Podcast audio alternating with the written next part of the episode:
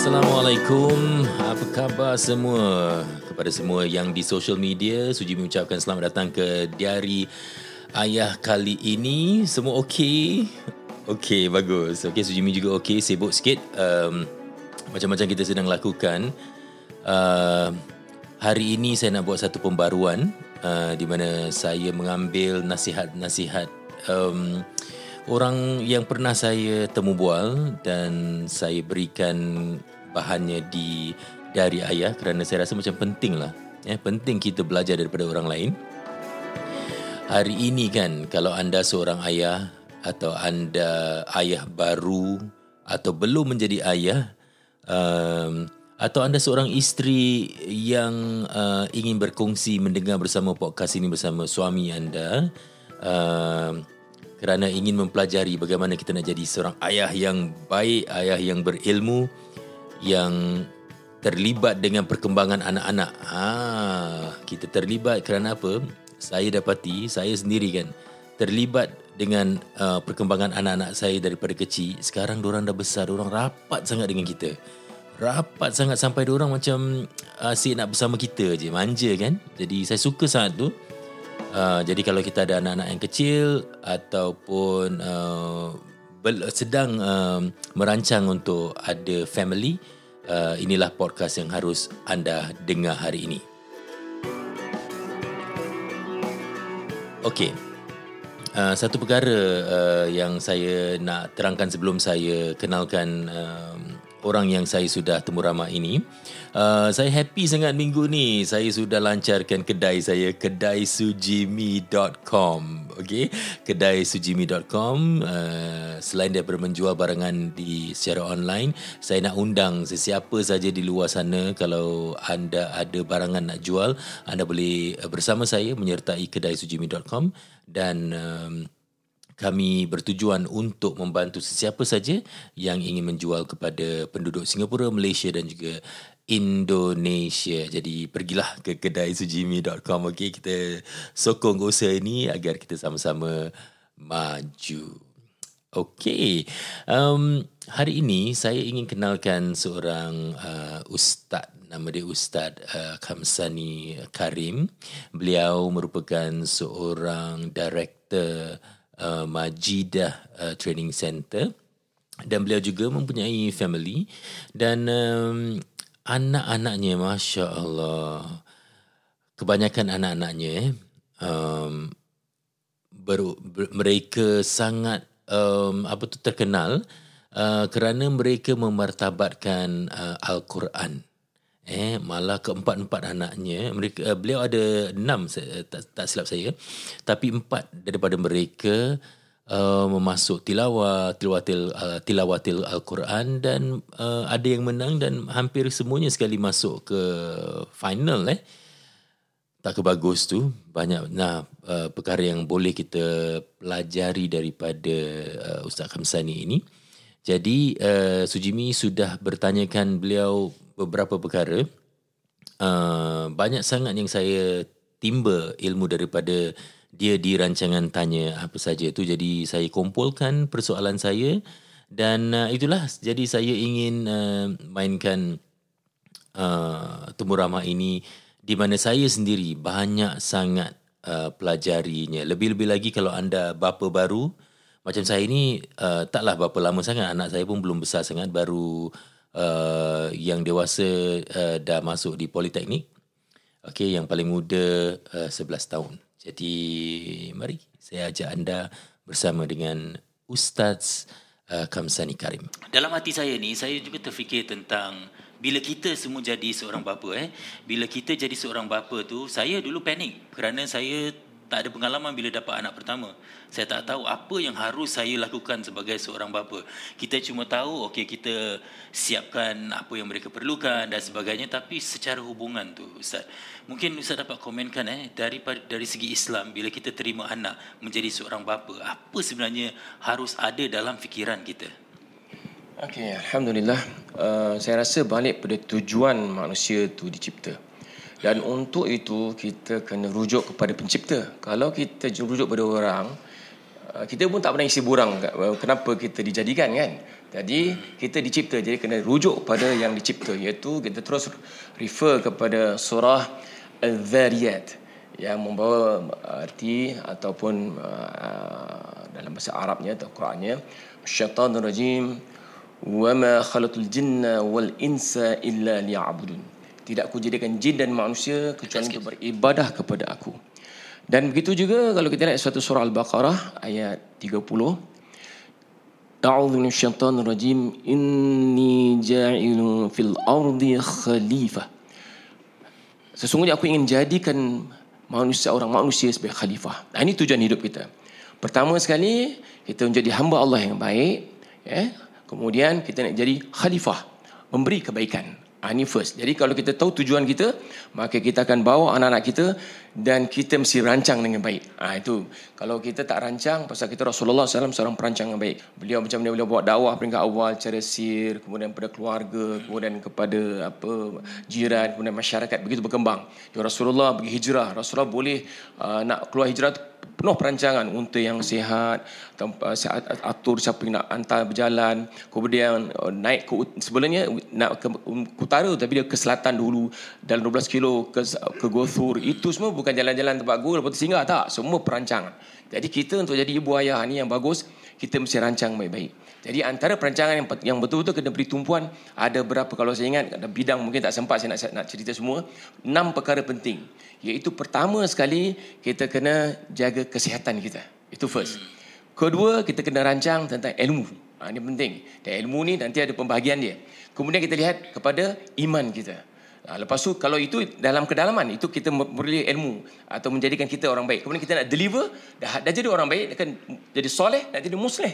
Ha, waktu itu kita kita buat dia katakan dia bilang komunikasi atau perhubungan atau ha, dengan keluarga, kemudian dengan jiran sebagainya. Kemudian satu lagi profession kita kita pilih baik-baik. Set our mindset. Kita nak jadi seorang peniaga macam Cik Sujimi ataupun kita nak jadi apa bekerja biasa itu kena plan baik-baik. Saya dia akan melibatkan kita perancangan keuangan.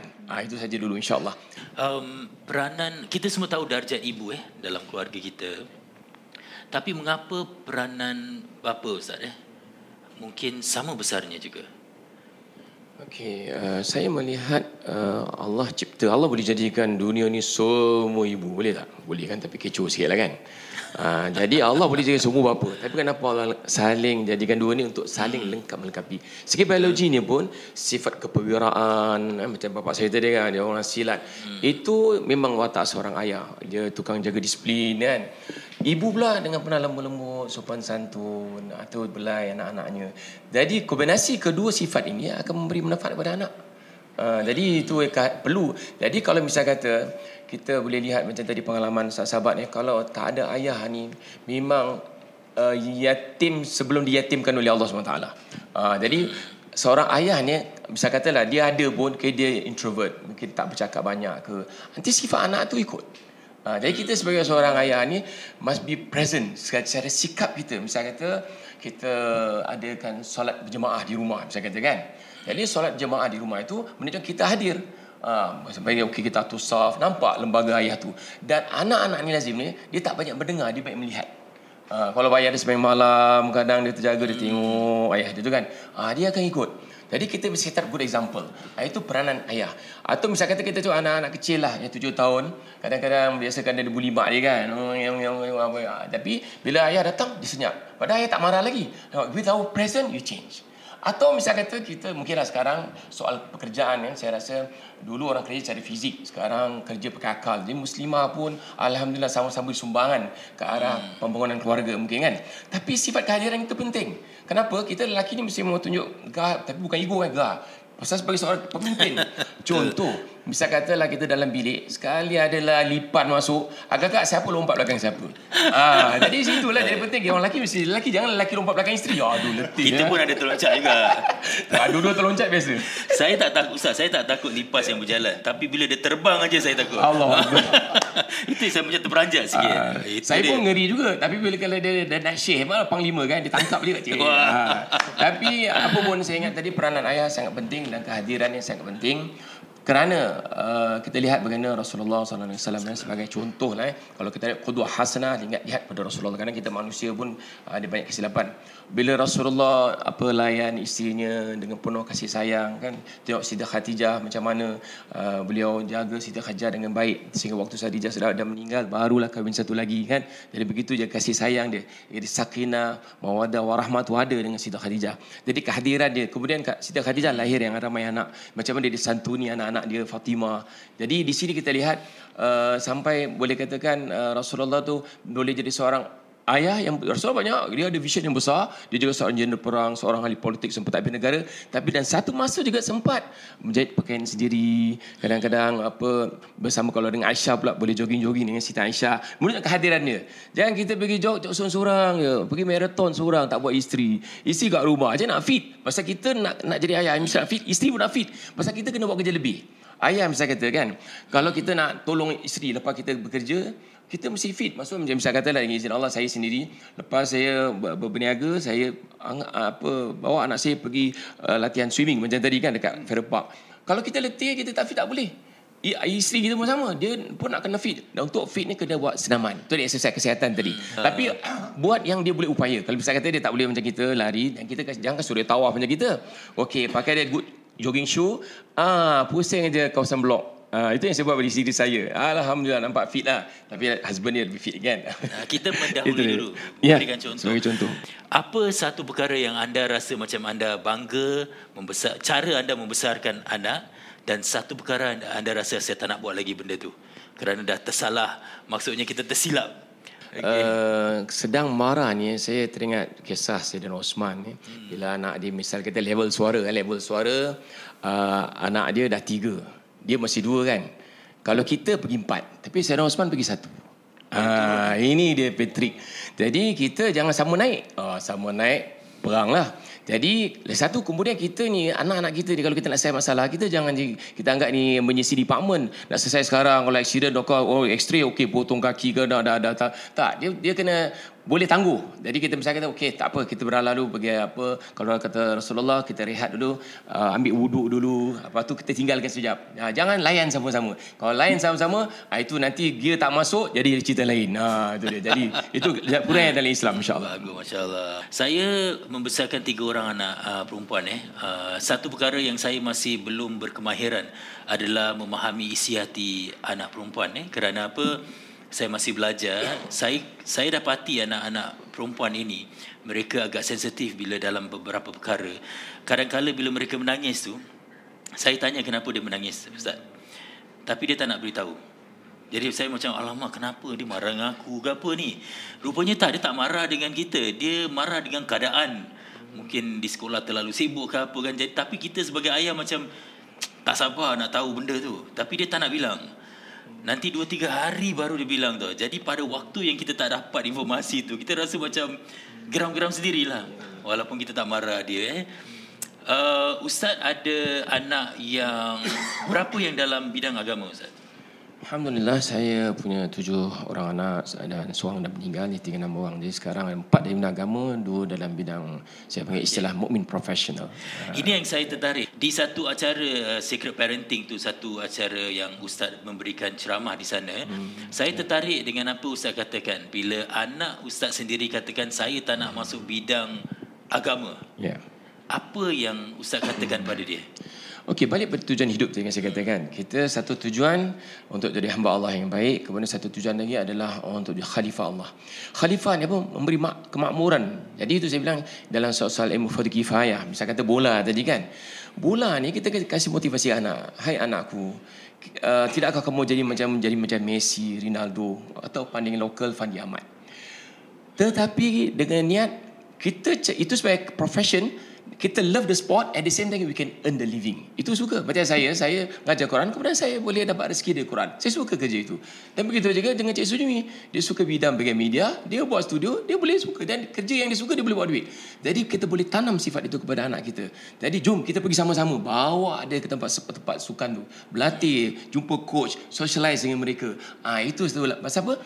Ingat, kalau kita niatkan itu sebagai nanti besok kita dapat pendapatan daripada macam kata Cik Jimmy, keluar zakat, ha, sedekah ke, saya pun keluar zakat kita ajar kadang-kadang berorang yang tak tahu baca Quran kita ajar. Kalau tak ada pendapat apa tak ada pendapatan untuk masalah, ada tadi kan broken family, kita kasih wave lah dia yuran dan sebagainya. Atau mungkin tadi apa anaknya nak main bola, hasil daripada bola tu insya-Allah kita bagi sikit pada agama. Maka dia jadi ibadah. Uh, jadi kena jangan ingat uh, jadi ustaz saja tidak. Kalau jadi ustaz pun dia cari duit untuk kepentingan dia sahaja tak ingat eh, itu jadi dunia. Uh, itu kena faham. Jadi kalau kita buat apa saja yang tadi dalam bidang-bidang faya atau apa saya kerjaya lah dalam bidang yang tidak macam bentuk agama, kena itu juga adalah ibadah iaitu memakmurkan ke bumi ini. Jadi mungkin dia bertani ke dia berniaga ke tak apa saja profession tapi dia mesti begini cakap mudah dia dia ada beberapa syarat dalam Islam ni nak jadi ibadah ni. Pertama niat. Aku mungkin nak jadi ahli sukan nak jaga sihat. Kerana sihat aku boleh ibadah. Bagus boleh semayang dan sebagainya. Itu niat pertama. Keduanya kita boleh kata uh, perkara yang kita buat tu mesti sah dan halal lah. Main bola. Halal tak? Boleh halal. Tentang aurat ah tu pandai-pandai labu-labukan seluar sikit lah. Tapi jangan nampak macam apa ke bawah sangat. Pasal itu rule of the sport. Okey tak apa. Kemudian Ketiga, benda yang kita nak buat mesti sah dan halal lah. Tak merompak atau main sihir ke tidak. Eh? Kemudian natijah dia, natijah dia, hasil dia. Kita dapat misal kata sekarang kalau pemain profesional macam Masya Allah lah. Dapat uh, beli, jual beli player dia lah, berjuta-juta. Kalau 80 juta Ronaldo tu dapat orang jual. Misal kata orang beli dia daripada Real Madrid pergi apa Paris Saint-Germain ke atau ke mana-mana lah. Itu kalau dia kasih 2 juta pada 25 juta boleh buat satu masjid kat Singapura. Jadi kalau itulah nama atas masjid nama anaknya. Jadi itu juga satu ibadah. Dan akhir sekali dalam kita bermain-main tu, janganlah lupa semayang. Ha, cukup time semayang, semayang. Ha, cuma kalau dia tengah-tengah buat padang bola, kan dia main nak maghrib. Waktu itu ada je kelonggaran boleh jamak semayang tapi jangan kasar lah. Ha, jadi tidak datang qadha di situ. Jadi malam alun 10 minit 10 minit main waktu maghrib start siup whistle bila nak semayang tak akan nak keluar semayang kat wudu. Ha, jadi boleh semayang tapi itu tempuh lima syarat jadi ibadah. Tak kira apa profession sekali. Wallahu alam boleh okey. Okey senario pertama. Anak remaja saya lebih suka ikut cakap kawan saya rasa tentang ya, perkara biasa mereka mencari kawan dan sebagainya. Sebab itu dalam apa pandangan Islam yang kita ada beberapa tahap. Bisa kata guru pertama adalah ibu ayah. Kemudian ibu ayah ni ada limitation dia lah. Kita cari guru luar, guru sekolah dan sebagainya. Hmm. Kemudian ketiga yang pengaruh anak kita lah kawan. Jadi apa kita harus tanam pada apa anak kita ni? Biar jadi kenapa kawan pengaruh dia? Dia tak pengaruh kawan. Ha, jadi jadikan dia kita beri ilmu biar dia jadi influencer. Ha, dia influence orang. Pengaruhkan kawan dia ke arah kebaikan. Ha, jadi di sini kita oh, perang okay. sarap dengan kawan. Jadi kenapa pula selalu kita tengok kawan tarik dia. Kita nak jadikan dia tarik kawan dia. Ha, itu mesti ada kebijaksanaan. Jadi contoh, uh, kita mesti bekalkan beberapa ilmu. Jadi anak kita mesti ada dua ilmu yang kata orang mengatasi kawan dia. Bisa kata, pertama dia mesti ada reveal knowledge. Ha, ini kadang uh, maths tak ajar, sains sekolah akademik tak ajar. Dari mana kita, sekarang apa peranan kita, lepas ni mana nak pergi. Ah, ini boleh mengusik jiwa kawan-kawan dia. Dia pun terfikir kan, kau datang daripada mana? Lepas ni apa peranan kau dia? Nak ke mana? Itu ilmu. Kemudian kita juga mesti sebagus kawan kita dalam segi belajar, matematik, sains, Englishnya, bahasa pula. Kalau dia English apa English dalam Melayu, kita English Melayu Mandarin. Ah, jadi di situ kita akan up dengan dia. Jadi bila orang dia budak-budak ni dia tengok siapa je yang lebih tengok. Kemudian segi konteks sport pun nak bagus. Anak dia boleh ahli ibadah Tapi juga ahli salam Allah harga Itu kena jumpa Refili daripada Seligi Tunggal ke Ataupun daripada apa Syekh Ibrahim daripada Grasho Belajar. Pasal itu konteks sebab perlu Nak petangkan keluarga. Kadang petangkan kawan Kadang saya katalah Na'udzubillah Kadang terlibat dengan Apa Maklumlah beli-beli hari genong-genong nak nak berlaga. Tapi kerana dia ada juga permainan dia boleh defend kawan-kawan dia. Itu juga beri sumbangan jadi dia jadi leader. Leader lepas tu main bola. Jom lepas main bola kita solat maghrib. Ah kita bawa dia. Dia pun kenapa kita mesti tahu kita ikut dia? Ya tak? Ikut kawan-kawan dia kita kita pengaruh dia. Jangan dia selain apa kata sering dipengaruhi kawan-kawan yang lain. Itu saja give a thought insya-Allah. Jadi saya nak minta rumusan terakhir kerana kita di penghujung rancangan ini. Pesanan terakhir ustaz. Uh, Alhamdulillah uh, Saya masih teringat Waktu saya baru menikah dulu Oleh Qadi Matan Ketua Qadi kita Iaitu Ustaz Pasuni Maulan. Dan saya akhir-akhir ini Jumpa juga beliau uh, Menikahkan sepasangan muda Dan pesanan itu tetap istiqamah. Jadi Masya Allah eh, Kenapa beliau sebut itu? Perkara itu sangat-sangat penting. Beliau bertualak surah At-Talak eh, daripada ayat 2 hingga 3 syaitan rajim wa man yattakilla yaj'al lahu makhrajan wa yarzuqu min haythu la yahtasib. Barang siapa bertakwa kepada aku dan saya akan keluarkan ia daripada kesusahan dan aku berikan rezeki daripada sumber yang tak terduga. Jadi uh, maksud dia takwa. Apa istilah takwa ni?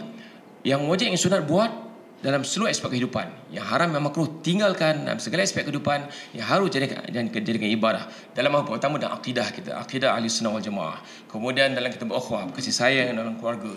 Kemudian ketiga, bisa kata dalam pendidikan, tarbiyah. Dalam iktisad dan perniagaan. Kemudian bisa kata dalam daulah. Sampai dalam sejagat. Lima perkara ini kita jaga. Hukum hakam kita. Jadi bila kita buat ini, dengan perkataan cakap mudah takwa cinta pada apa Allah? Cinta dan benci pada Allah. Benci insyaallah. Kerana kita bukan kudrat kita. Sebagai ayah sangat lemah manusia. Kita pun bukan apa, apa soleh sangat. Walaupun kita akan usahalah ke arah soleh tu kan. Eh, kita pun bukan ada kudrat sangat bukan pandai sangat. Tapi atas bantuan Allah yang boleh buat bulan dan bintang untuk kasih kita jadi bapa yang baik ini cukup mudah bagi Allah SWT. Saya akhiri dengan ucapan terima kasih kepada apa, para penonton. Dan saya ingin juga akhirnya sah dengan serangkap pantun je lah. Ha. Oh, Buah. Okay, boleh? Saya boleh, boleh? Ha, daun selasih telupuyung. Thank you to all of you.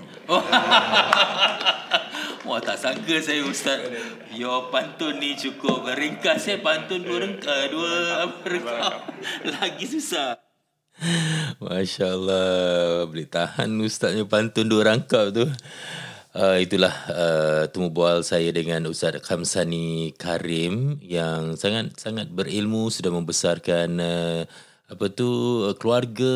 Uh, tadi saya katakan enam anak sebenarnya beliau ada tujuh eh. Uh, satu uh, seorang yang meninggal Um, dan saya dapati bila saya mendengar uh, Ustaz Kamsani ini, saya teringat dengan beberapa perkara yang sudah berlaku kepada diri saya eh, di antara fasa-fasa yang berlaku bila membesarkan anak ni.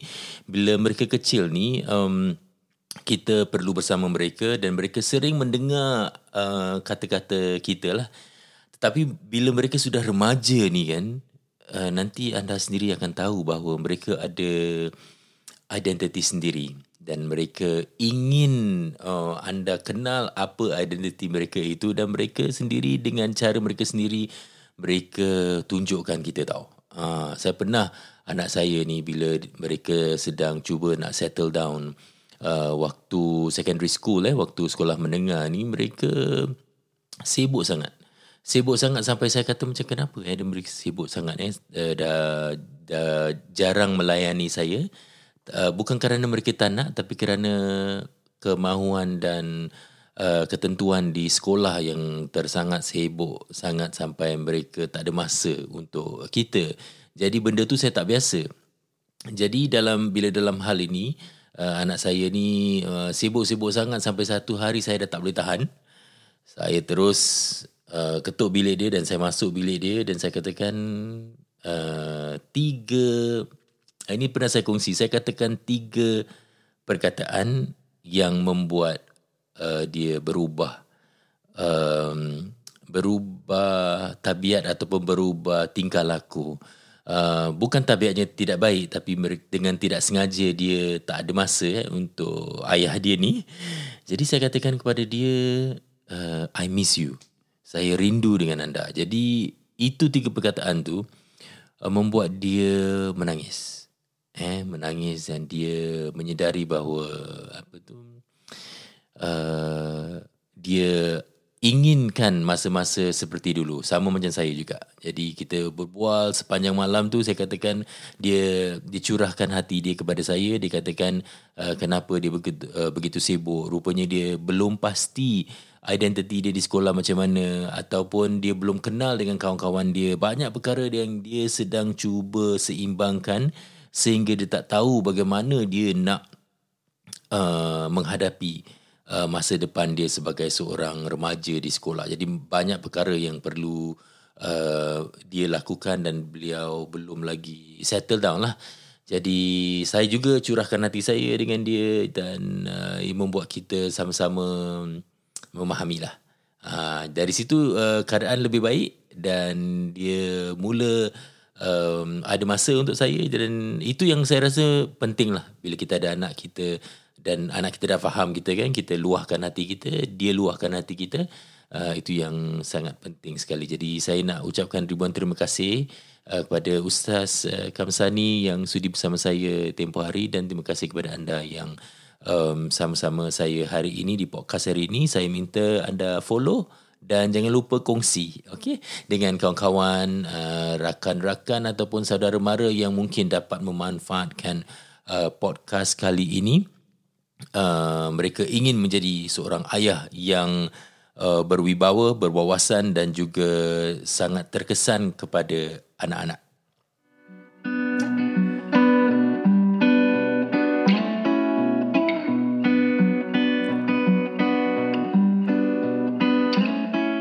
Okey, seperti biasa, Sujimi akan uh, bacakan satu tweet uh, di twitter.com slash sujimi yang ada kena-mengena dengan episod ini. Ini dia, anakku, ayah penat.